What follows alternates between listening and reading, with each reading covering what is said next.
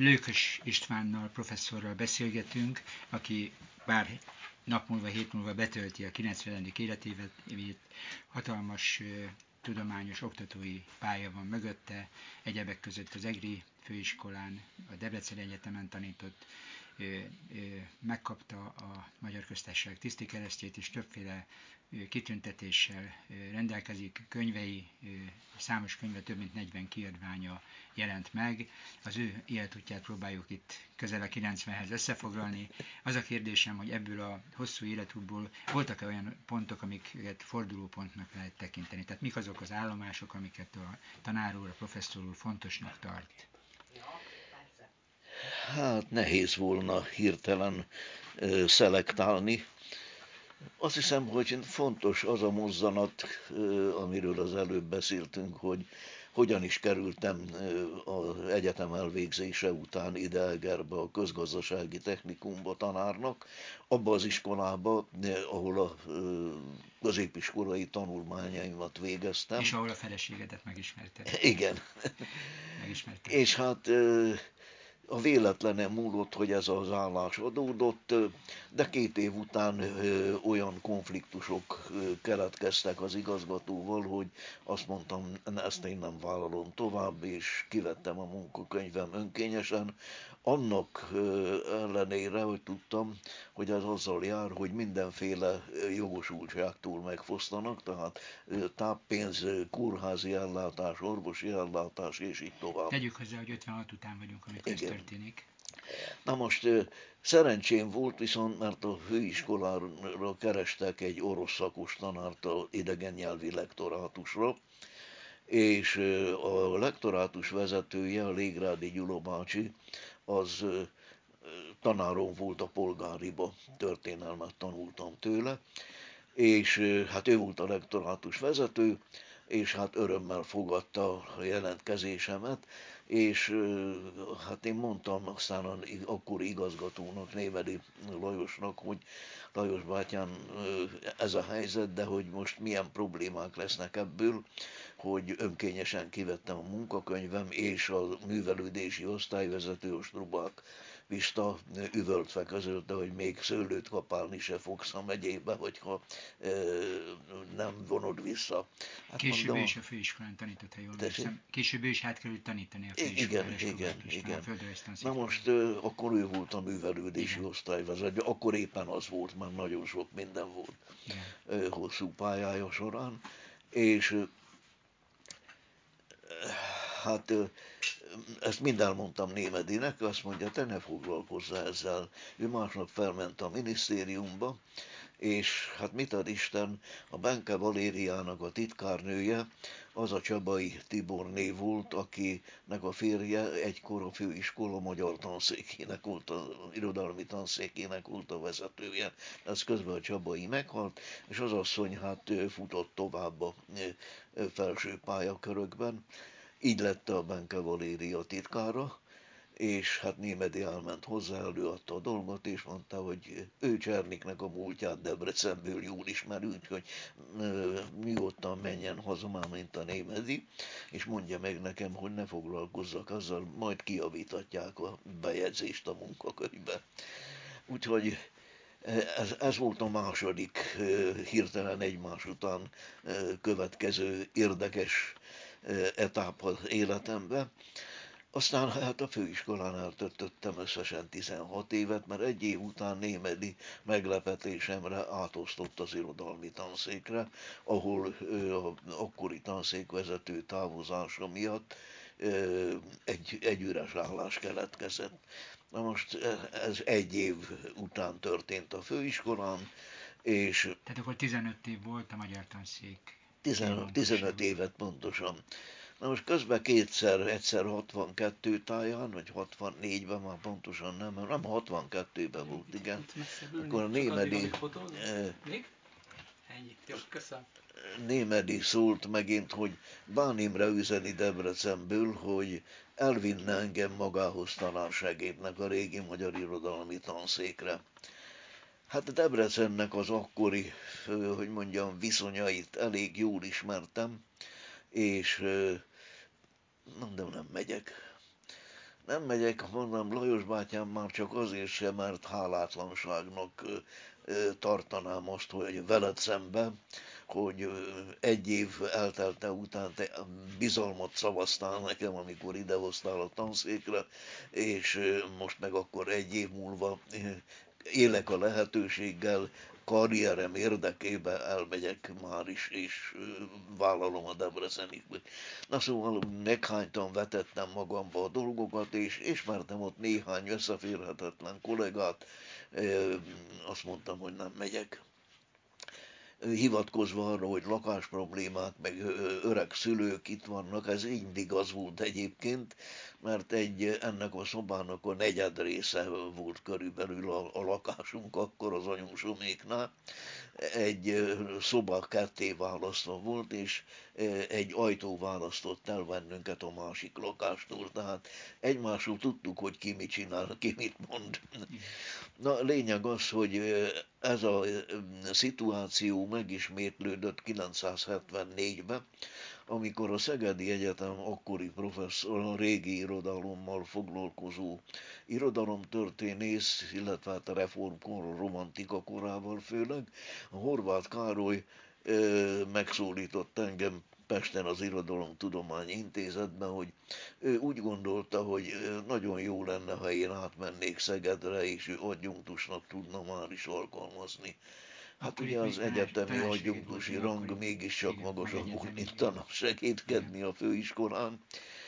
De hát Szegedről annyi rossz információm volt, ott hát egy az, hogy az a Kumócsin Mihály volt, ahogy hívják a megyei első titkár, aki 56-ig itt Tegerbe látta el ugyanezt a feladatot. Az öccse, az Zoltán, az pedig a Kádár mellett volt, ahogy hívják be a központi bizottságba, és a Kisznek is azt hiszem egy ideig vezető. Igen, ő szenvedett esetleg balesetet? Tesi? Valamilyen balesetet ő szenvedett, mikor egy öntödébe Azt már nem tudom.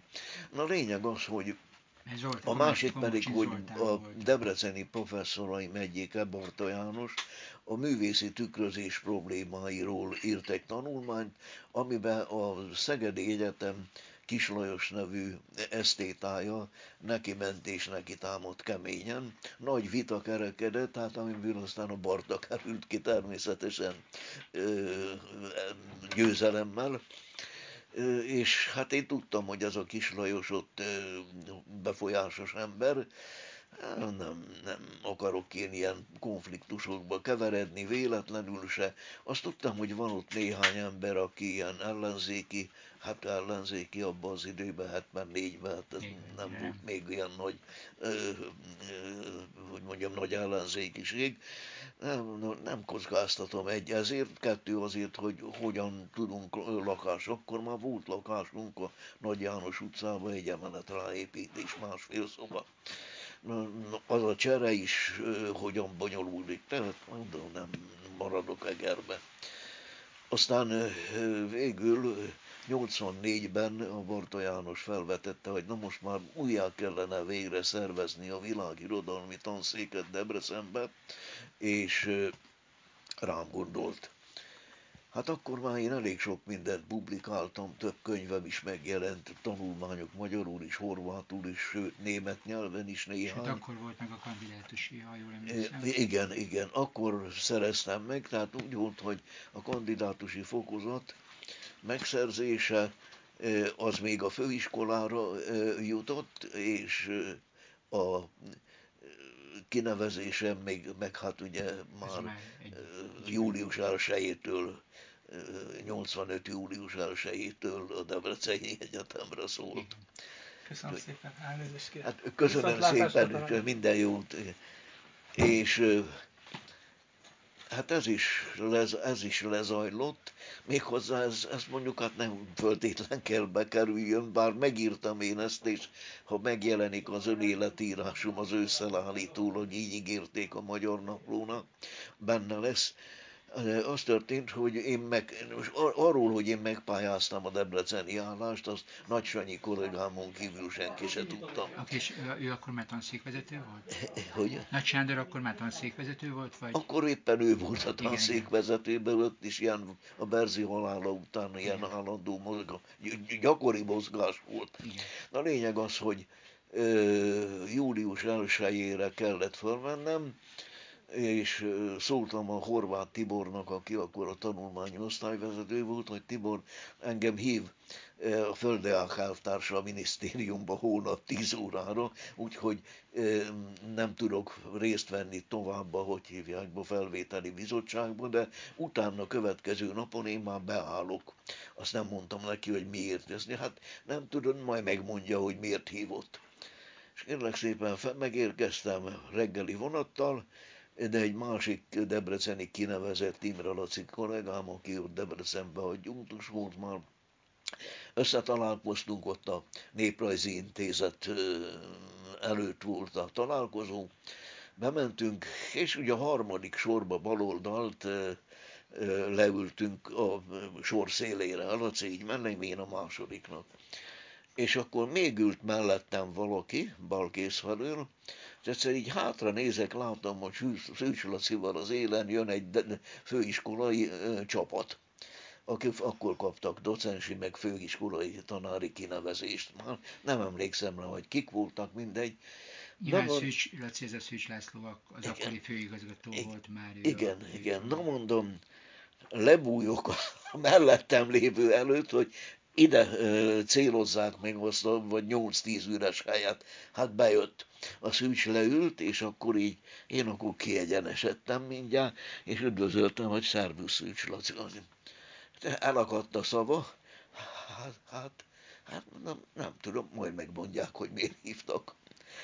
És hát akkor aztán megtudta, ott tudta meg, hogy kineveznek a világirodalmi tanszékre docensnek, egyetemi docensnek, hogy ez volt megint egy következő állomás a tanári pályámon, és hát ott is volt egy kis gigszer, mert közben az Uradalom Tudományi Intézetben bár egy befutott főosztályvezető, vagy főosztályvezető volt a fenyőpista, nem tudom. Lényeg az, hogy megtudta, hogy Debrecenben van egy állás. És ő hát ezt ugye sokáig volt a Népszabadság kulturális rovatánál, talán rovatvezető is egy ideig, tehát ő el tudta intézni az acélvonalon, hogy ő azt az állást megkapja. És akkor Debrecenbe feltették a kérdést, hogy eh, hát akkor most ez van, hát vállalom-e, hogy nem leszek tanszékvezető, beozdott docensként. Hát mondom, ha már egyszer igen mondtam, akkor hát nem akartam ilyen nyersen, nem csinálok a számbóságot. Te finoman Jaj, mondtam, hogy hát rendben van, egye meg a fene. Én abban biztos voltam, hogy a fenyő nem fog soká ott maradni, mert azt is valakitől megtudtam, hogy a lánya oda pályázott az egyetemre angol szakra, mivel sikertelen volt az ötvösen, tehát még neki is sikertelen volt a fölvétel igen, az, angol szakra Pesten. Na, egy évet hallgat, Debrecenben lezárja eredménnyel úgy is át fog menni Pestre, hát így is történt, illetve nem egy év múlva, hanem egy év kieséssel, mert be se iratkozott a kislány az egyetemen a, szakra, hanem egyből szolgálati útlevéllel egy éves amerikai ösztöndíjat kapott. Már akkor is voltak ilyen lehetőségek. Véletlenül. És hát én ezt így mint tudomásul vettem, jól éreztem magam, mondjuk a fenyő nagyon korrekt volt, meg kell mondani, szóval nem okoskodott, de aztán közben beteg is lett, meg akkor én helyettesítettem az óráit. Úgyhogy aztán ő két év után el is ment, és akkor hát nyakamba szakadt a tanszék szervezése, mert hát ketten voltunk mindössze, és hát azért több órát kellett ellátni. Én a szerencsére egy tanítványunk, magyar-angol szakos fiú végzett, azt gyorsan ö, becsábítottuk oda a tanszékre, egyébként jól felkészült valaki volt, hát angol szakos volt, franciául közep, középfokú nyelvvizsgával rendelkezett, olaszul is középfokon tudott, hát nem szerzett nyelvvizsgát, nem a vizsga a lényeg, hanem a hogy tudás, mit tud. Igen. Aztán az egyik kollégina, aki a német tanszéken tartott órákat, a 20. századi tanszékünkről átjárva, ő véglegesedett ide a világirodalmi tanszékre, és aztán még jött egy kollégina a könyvtárból, úgyhogy ötfős tanszék lettünk végül, és hát elindult a, a munka. Sajnos aztán az, hogy az összehasonlító irodalom tudományi profilt nem sikerült megvalósítani, mert az már igen belső intézeti ellenálláson múlt, mert érzésem szerint 20. százados kollégák attól féltek, hogy ha ez a divatos szak beindul, akkor elcsábítja a hallgatóságot a 20. századi magyar irodalom mellékszakra való jelentkezéstől. Így hát aztán lemondtunk róla, és tanítottuk a világirodalmat, ahogy a Szovjetunióból örököltük a tantervet, hogy Plát, hogy mi az Isten, na, Homérosz, aztán Vergilius, aztán Horácius, aztán Dante, Petrarca, Boccaccio, aztán jöhet egy Shakespeare, esetleg Cervantes, és a 18. század túl már részletesebben a világirdalom. Hát ezeken a tárgyak, vagy időszakokon osztoztunk ott öten, és hát ment a munka rendesen. Ott hány évet Én 70 éves koromig dolgozhattam ez volt 2003-ban, na akkor kaptam ezt a tisztikereszt kitüntetést, hogy az egyetem javasolta, vagy a Délszláv Szövetség, ezt nem tudom.